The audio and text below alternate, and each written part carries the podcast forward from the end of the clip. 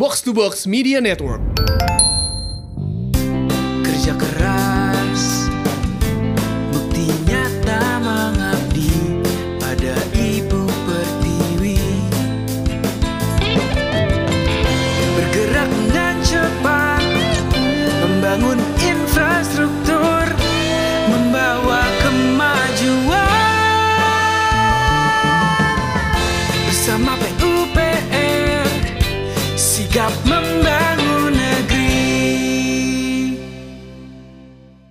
Halo apa kabar sahabat PUPR, Assalamualaikum warahmatullahi wabarakatuh. Salam sejahtera dan juga salam sehat buat semuanya di mana pun sahabat PUPR berada. Tentunya kita ketemu lagi nih di episode dari podcast Sigap Membangun Negeri, persembahan dari Kementerian Pekerjaan Umum dan Perumahan Rakyat.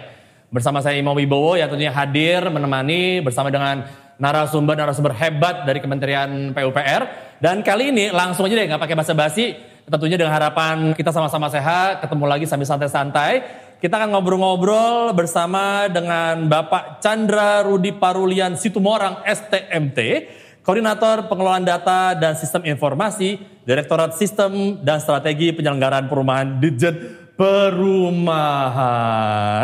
Apa kabar Pak Chandra? Baik, Mas Imam.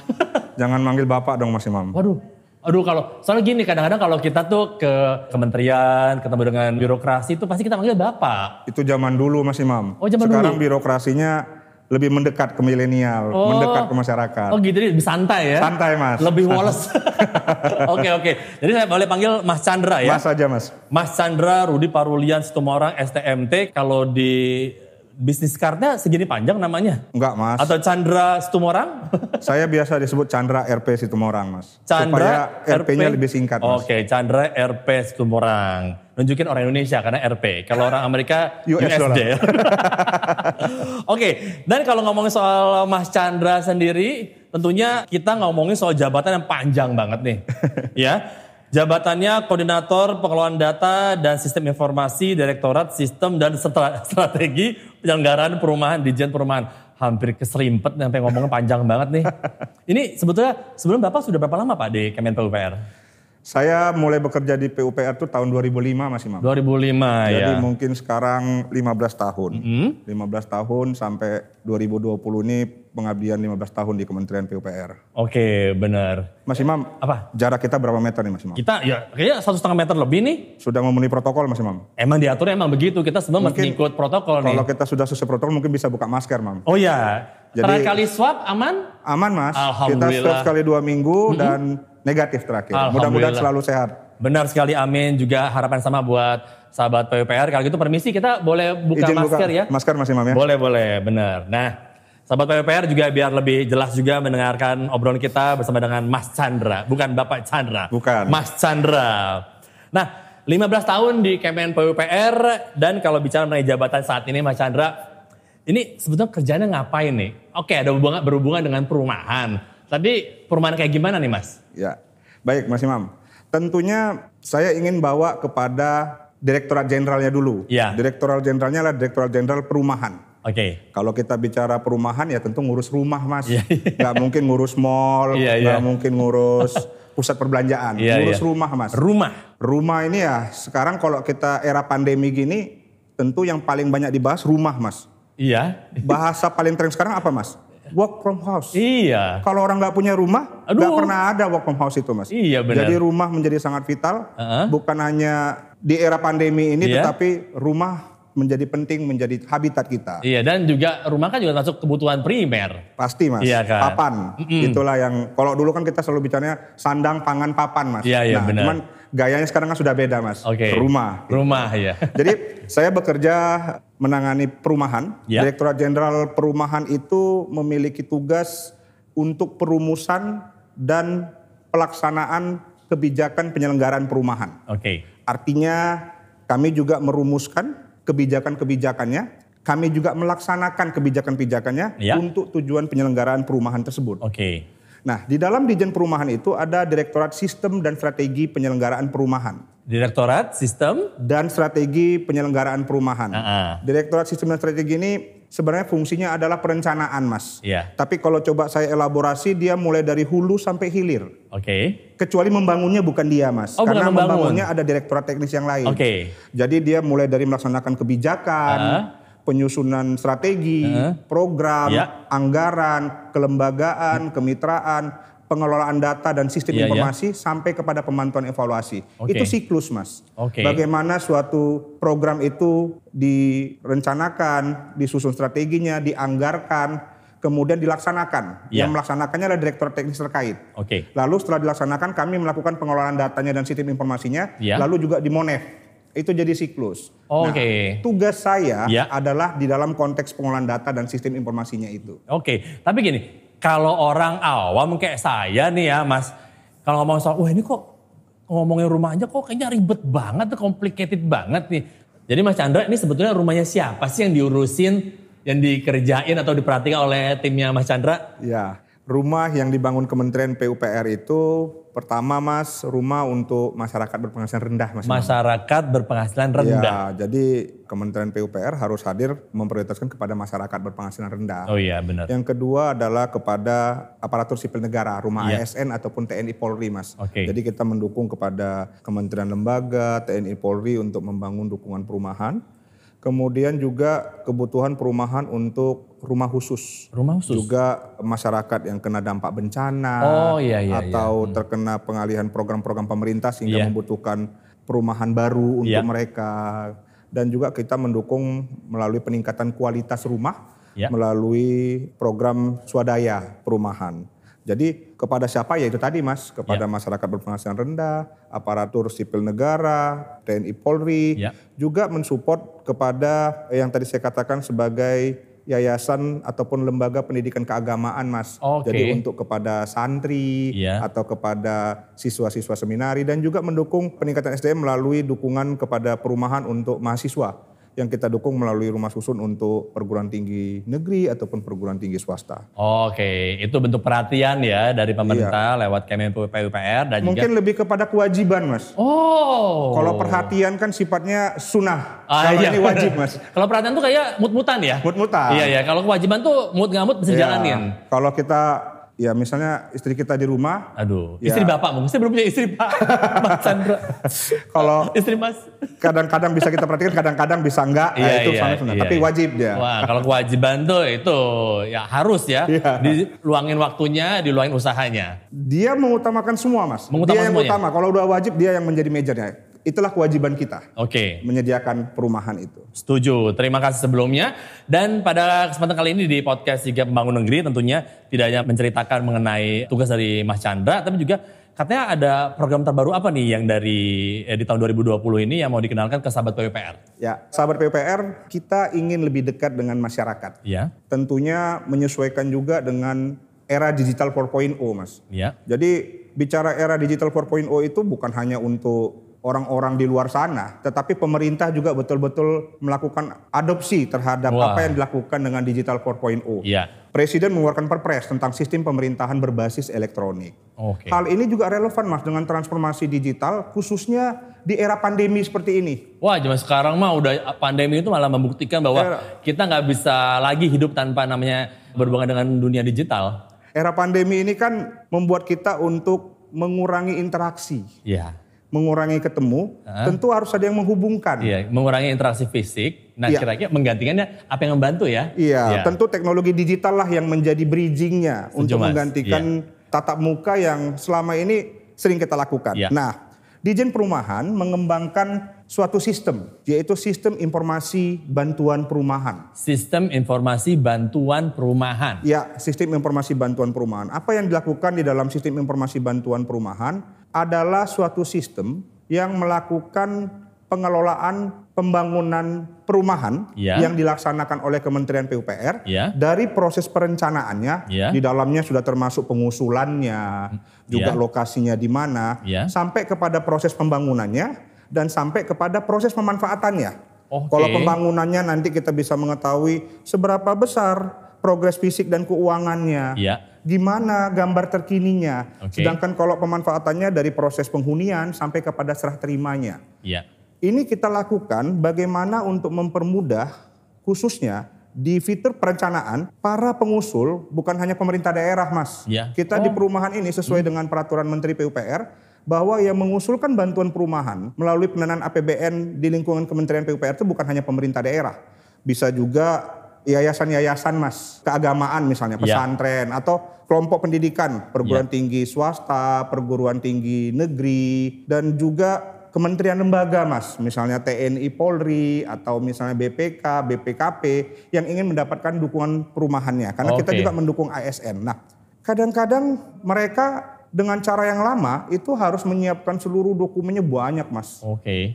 Mas bayangkan kalau kita punya 500 kabupaten kota, Ya. Semuanya datang ke Jakarta, Aduh. minimal dua orang untuk membawa usulannya, Heeh. Mas bisa bayangkan berapa kertas yang disimpan di kantor kita Benar, dengan tumpukan-tumpukan kertas. dengan tumpukan-tumpukan kertasnya. Ya. Di zaman sekarang yang masa yang harusnya udah paperless ya. Harusnya Iya, di era iya. digital 4.0 tadi, Mas. Iya, iya. Nah, yang kita lakukan dengan sistem informasi bantuan perumahan ini, pengusul itu hanya menyampaikan usulannya melalui sistem informasi bantuan perumahan ini. Oke. Menyampaikan dokumen-dokumen yang menjadi persyaratan sesuai dengan tata kelola pengusulan bantuan perumahan itu Iya. melalui sistem informasi bantuan perumahan ini. Sistem informasi Di mana pun, kapan pun, secara online. online. Sehingga mereka tidak perlu datang ke kita. Iya. Satu, biaya perjalanan mereka sudah tidak perlu terpakai. Ya, dihemat lah ya, Efisien, iya. Efektif secara waktu. Benar. Yang kedua, Mas, kita berpikir secara environmental. Ya. Mas bayangkan kalau satu orang itu bawa usulan kita tuh banyak, Mas. Iya, iya. Ya, beginilah tata kelola pemerintah. Karena kita harus memiliki persyaratan A, B, C, D, E, F, G. itu semua harus didokumentasikan dengan baik. Ya, Jadi benar, kadang-kadang ya. menyampaikan suatu usulan, mungkin mereka harus membawa suatu dokumen menghabiskan 500 sampai mungkin 600 lembar, Mas. Oh, ampun. Mas Imam bayangkan kalau kita punya 500 kabupaten ditambah tadi pengusul yang lain, Mas, Iya, iya. PTS, PTN, berapa banyak kertas yang terpakai? Iya, nanti ujungnya nggak bikin kantor, bikin gudang ya. Bikin gudang Mas Imam. Dan Iya, Mas iya. Imam bayangkan semuanya itu ditujukan kepada kami Iya. di Direktorat Jenderal Perumahan. Kalau itu setiap tahun terjadi, berapa penyimpanan yang kita harus siapkan? Bukan itu saja Mas Imam. Iya.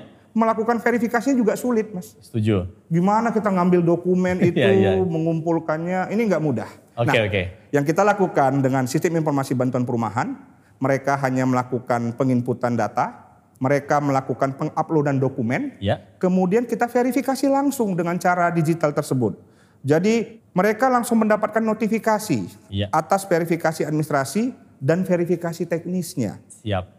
Sehingga apa? Mereka sudah akan mendapatkan informasi apakah usulan mereka diterima atau tidak. Oke. Ini yang membuat kemudahan kepada para pengusul, di antaranya pemerintah daerah, kementerian lembaga pengusul, lembaga pendidikan dan lain sebagainya memiliki otoritas dalam mengusulkan bantuan perumahan di lingkungan Kementerian PU. Oke, Mas Chandra tadi kan ngomong soal sistem informasi bantuan Perumahan. perumahan. Panjang juga tuh. Singkatannya ada nggak sih? Si baru mas, Si baru. kita selalu baru. Oke, oke. Jadi ini menjadi era baru pengusulan bantuan perumahan. Iya, iya, iya. Jadi era baru itu bukan hanya dalam rangka pandemi mas. Oke. Era baru dalam rangka pandemi kita sesuaikan juga sebagai era baru bantuan perumahan. Oke. Dan nampaknya juga tantangan juga buat Mas Chandra dan juga tim ya. Kayaknya kapan pun juga mesti baru, baru, baru. Harus ya. mas, Iya, iya. karena teknologi digital khususnya dalam penggunaannya dalam tata kelola pemerintahan, dalam sistem pemerintahan berbasis elektronik kita harus terus melakukan updating, membaharui fitur. Dan kemudian ketika digunakan dan ini bermanfaat bagi usernya, tentu akan banyak masukan-masukan mas. Kurang ini, kurang itu, Iya. perlu tambahin ini, yang ini kurang familiar. Nah ini yang harus kita perbaiki terus. Oke. Jadi kebaharuan terus kita Iya, iya. dorong di dalam aplikasi si baru. Mempermudah pekerjaan juga, Ya. juga mempermudah juga buat nanti di lapangan untuk masyarakat ya. Betul. Nah, sahabat PUPR, nah juga nih kabarnya, ini kabar beneran ya, bukan gibah, bukan gosip, bukan kabar burung.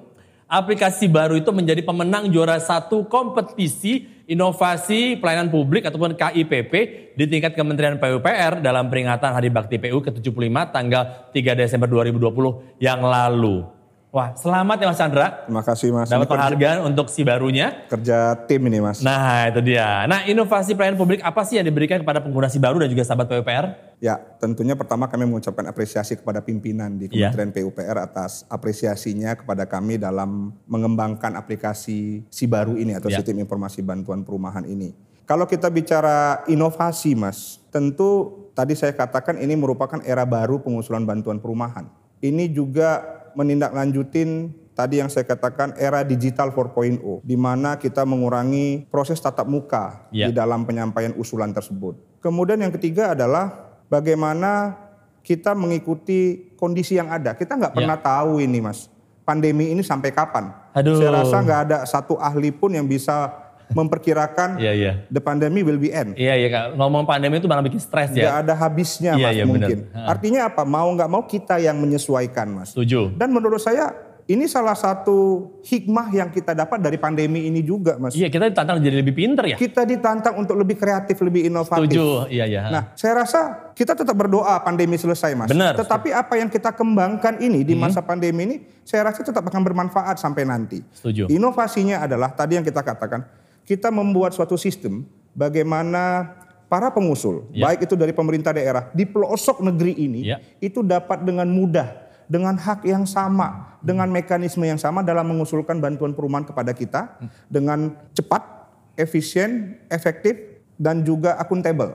Oke. Karena apa akuntabel? Datanya bisa teridentifikasi dengan baik. Ini yang memang menjadi inovasi di kita dan juga tentu efisien tadi, Mas. Ya. Ini yang paling penting, Mas.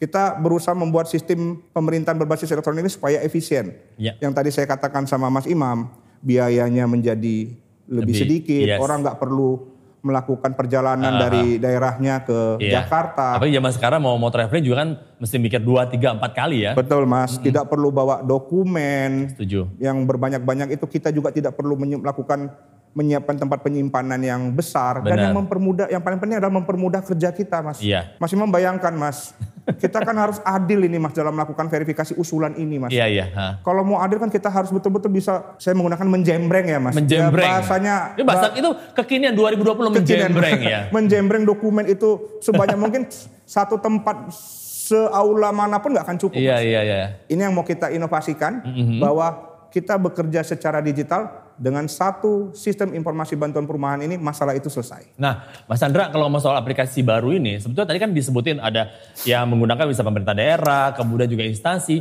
Tapi sebetulnya siapa saja sih sasaran pengguna yang bisa memanfaatkan aplikasi baru ini?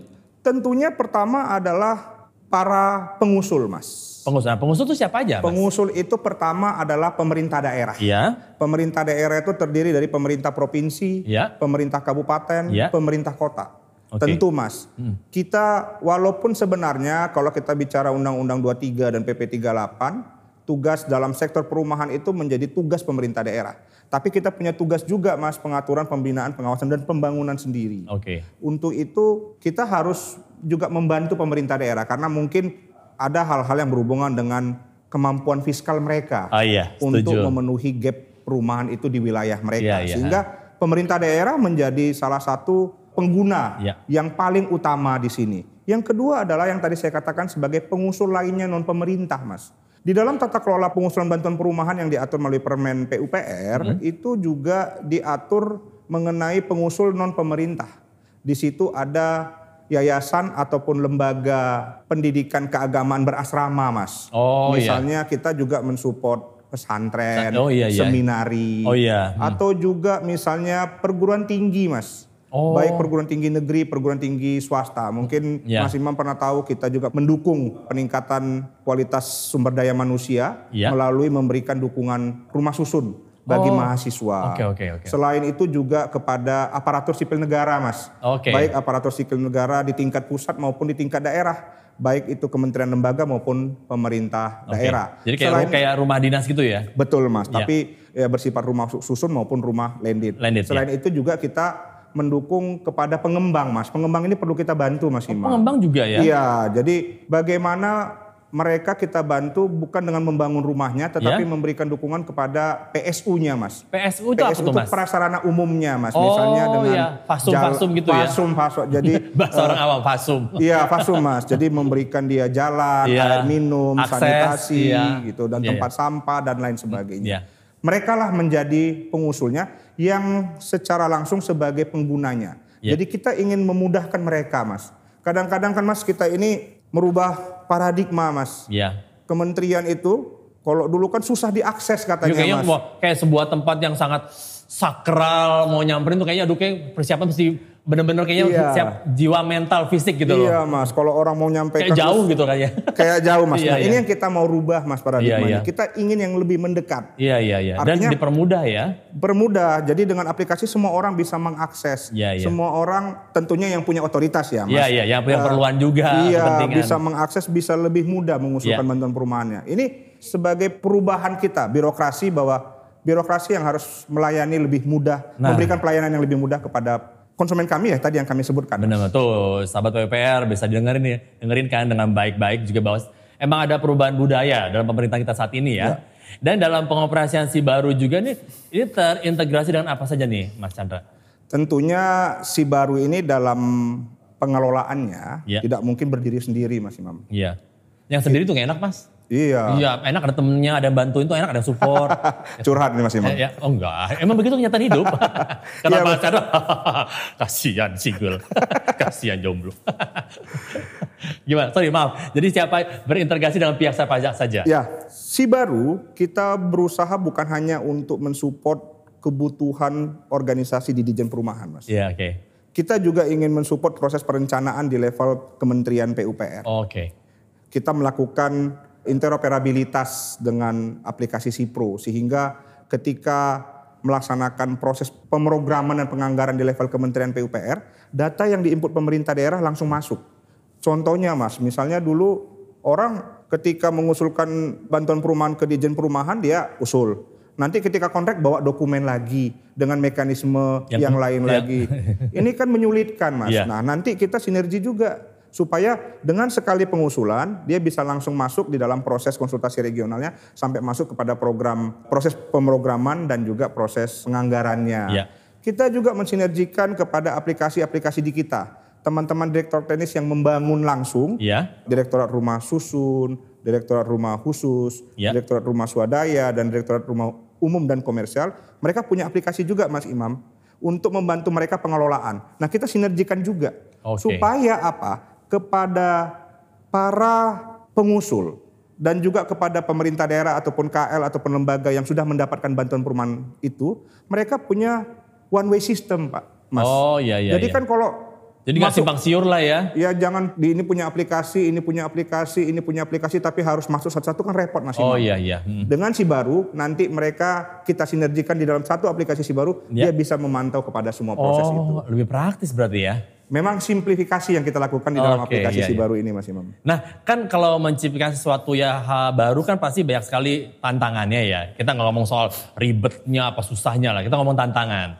Dan juga dengan aplikasi baru ini kan juga memberikan satu tadi Mas Chandra bilang paradigma baru untuk sebuah proses birokrasinya juga baru kan, zaman sekarang lah gitu. Iya. Nah, ada nggak sih hambatan tantangan yang dirasain kemarin tuh dari penciptaan idenya, pengembangannya, kemudian akhirnya terjadi si aplikasi baru tuh apa aja tuh, Mas? Ya. Kalau bicara tantangan pasti ada Mas Iya. Imam. Namanya menyiapkan suatu inovasi itu adalah hal yang baru Mas Imam. Hal yang baru itu pasti tidak mudah untuk bisa kita lakukan Iya. tanpa determinasi dan juga spirit yang Oh, kuat iya tuh. dan Mesti juga didu- ya. didukung pimpinan Iya, Mas iya, Imam. iya. Tetapi kendala pertama yang ingin saya jelaskan kepada Mas Imam tentu di level pengguna sendiri Mas Imam. Oh gitu. Misalnya pemerintah daerah, infrastruktur internet kita juga belum mumpuni juga sampai Iya di level iya. pemerintah daerah. Masih Jadi tantangan juga ya. misalnya ketika kita melakukan sosialisasi Mas Imam, melakukan bimbingan teknis kepada pemerintah daerah, ini contohnya Mas Imam, untuk menggunakan sistem ini sebagai suatu sistem. Karena kita sudah punya peraturan Mas yang Iya. mengatur bahwa tidak ada sistem lain untuk mengusulkan bantuan perumahan selain melalui si baru ini. Iya. Ketika kita menegaskan itu kepada mereka, mereka punya kendala Mas. Yaitu Pak, internet kita itu on off on off Oh, di sini. ya ampun. Kecepatannya tidak stabil. Iya. Ketika kita harus mengupload dokumennya, Karena dia berhenti- tidak bisa ya, masuk. karena di tengah-tengah berhenti. iya. Iya, iya. Mungkin itu tantangan yang pertama. Iya, Tapi iya. saya rasa ini akan secara berjalan Iya. akan semakin baik ke Iya. seluruhan. Yang kedua adalah tentunya tidak mudah bagi semua orang melek teknologi, Mas Imam. Ya itu benar tantangan baru juga buat, buat Jadi- Indonesia ya.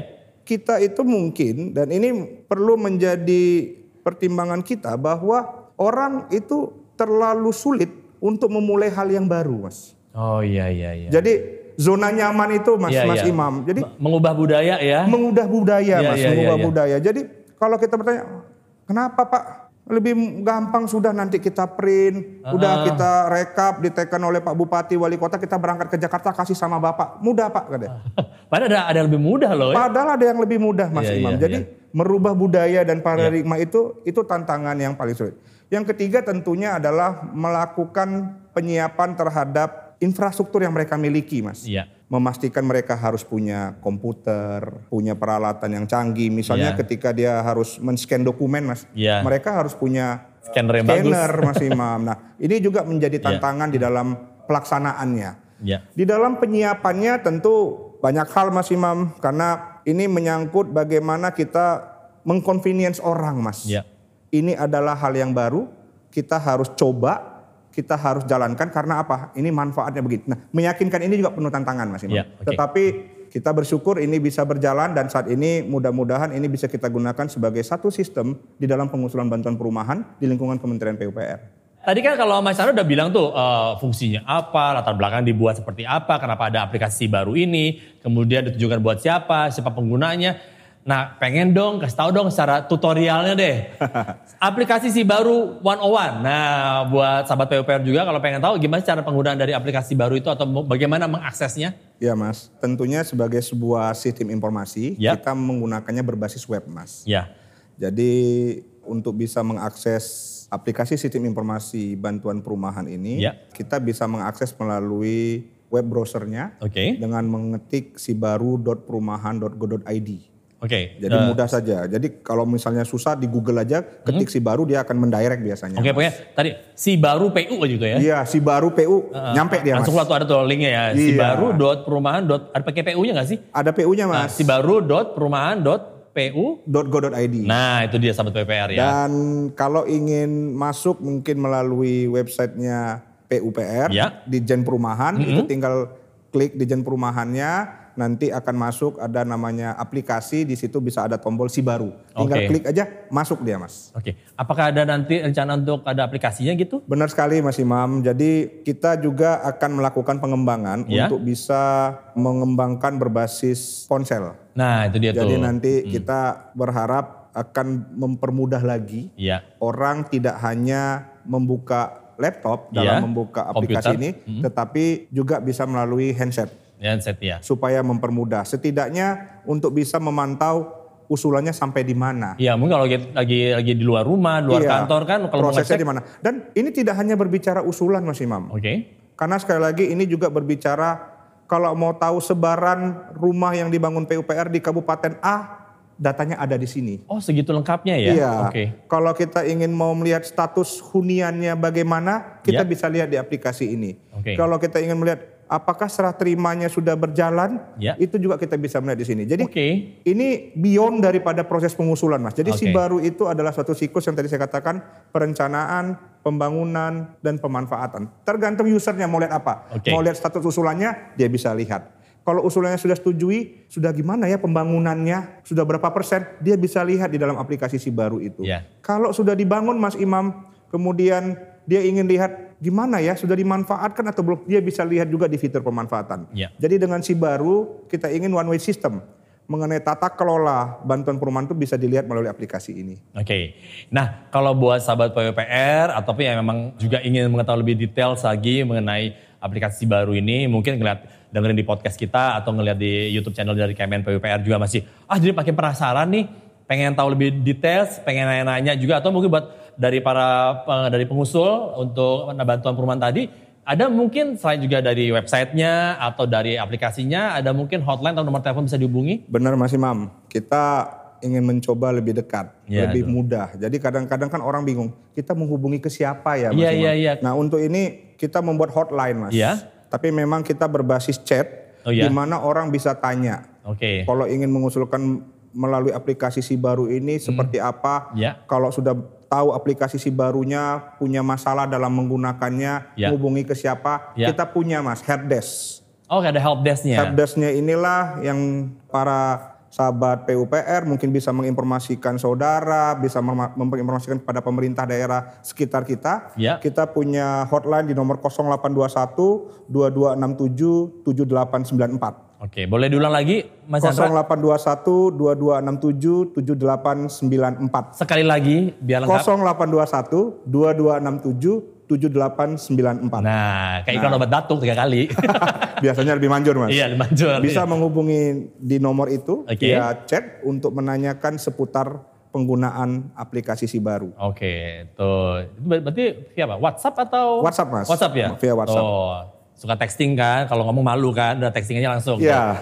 0821 2267 7894. Betul, Mas. Benar sekali. Nah, ada harapan nggak sih eh, Mas Chandra untuk sahabat PWPR dan juga pengguna si baru ini, apalagi mungkin baru kenal nih, Ya. yang bisa disampaikan?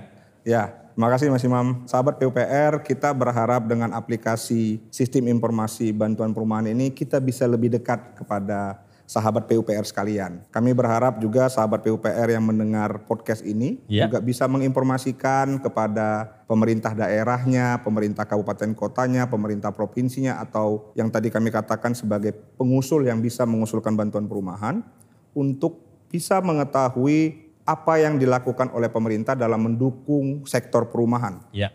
Kita mengetahui bahwa backlog perumahan masih tinggi, rumah tidak layak huni masih banyak. Kita berharap melalui apa yang dilakukan oleh Kementerian PUPR dapat membantu di dalam mempercepat akses perumahan kepada masyarakat di seluruh Indonesia dan aplikasi si baru ini menjadi media untuk publikasi, untuk informasi kepada masyarakat dalam mengetahui apa yang dilakukan Kementerian PUPR melalui Dijen Perumahan di dalam sektor penyelenggaraan perumahan. Nah Mas Chandra, satu lagi deh. Ini sehubungan juga kan kita baru saja kemarin merayakan Hari Bakti PU tuh. Iya, Mas. yang ke-75 tanggal 3 Desember 2020. Nah kalau dari Mas Chandra sendiri apa nih harapannya buat Kementerian PUPR? Tentu sebagai bagian dari orang PUPR mas, kita Ya. tuh nggak pernah merasa jadi pegawai PUPR mas. Oh. Kita itu orang PUPR. Orang PUPR Iya. ya. Kalau saya o- orang lama Pak. Jadi Kita- sebagai orang PUPR apa nih harapannya? Sebagai orang PUPR tentunya sesuai dengan slogan kita sigap membangun negeri. Wih, Kita berharap Kementerian PUPR tetap hadir untuk mendukung kebutuhan masyarakat di dalam infrastruktur. ya. Dan kita ingin memastikan bahwa kita hadir bersama-sama masyarakat sebagai manfaat dalam memenuhi kebutuhan hidup masyarakat di dalam sektor infrastruktur itu sendiri bagi rakyat Indonesia. Sahabat PUPR sangat menyentuh sekali harapan dari Mas Chandra untuk Kementerian PUPR. Bagaikan sebuah air terjun oase.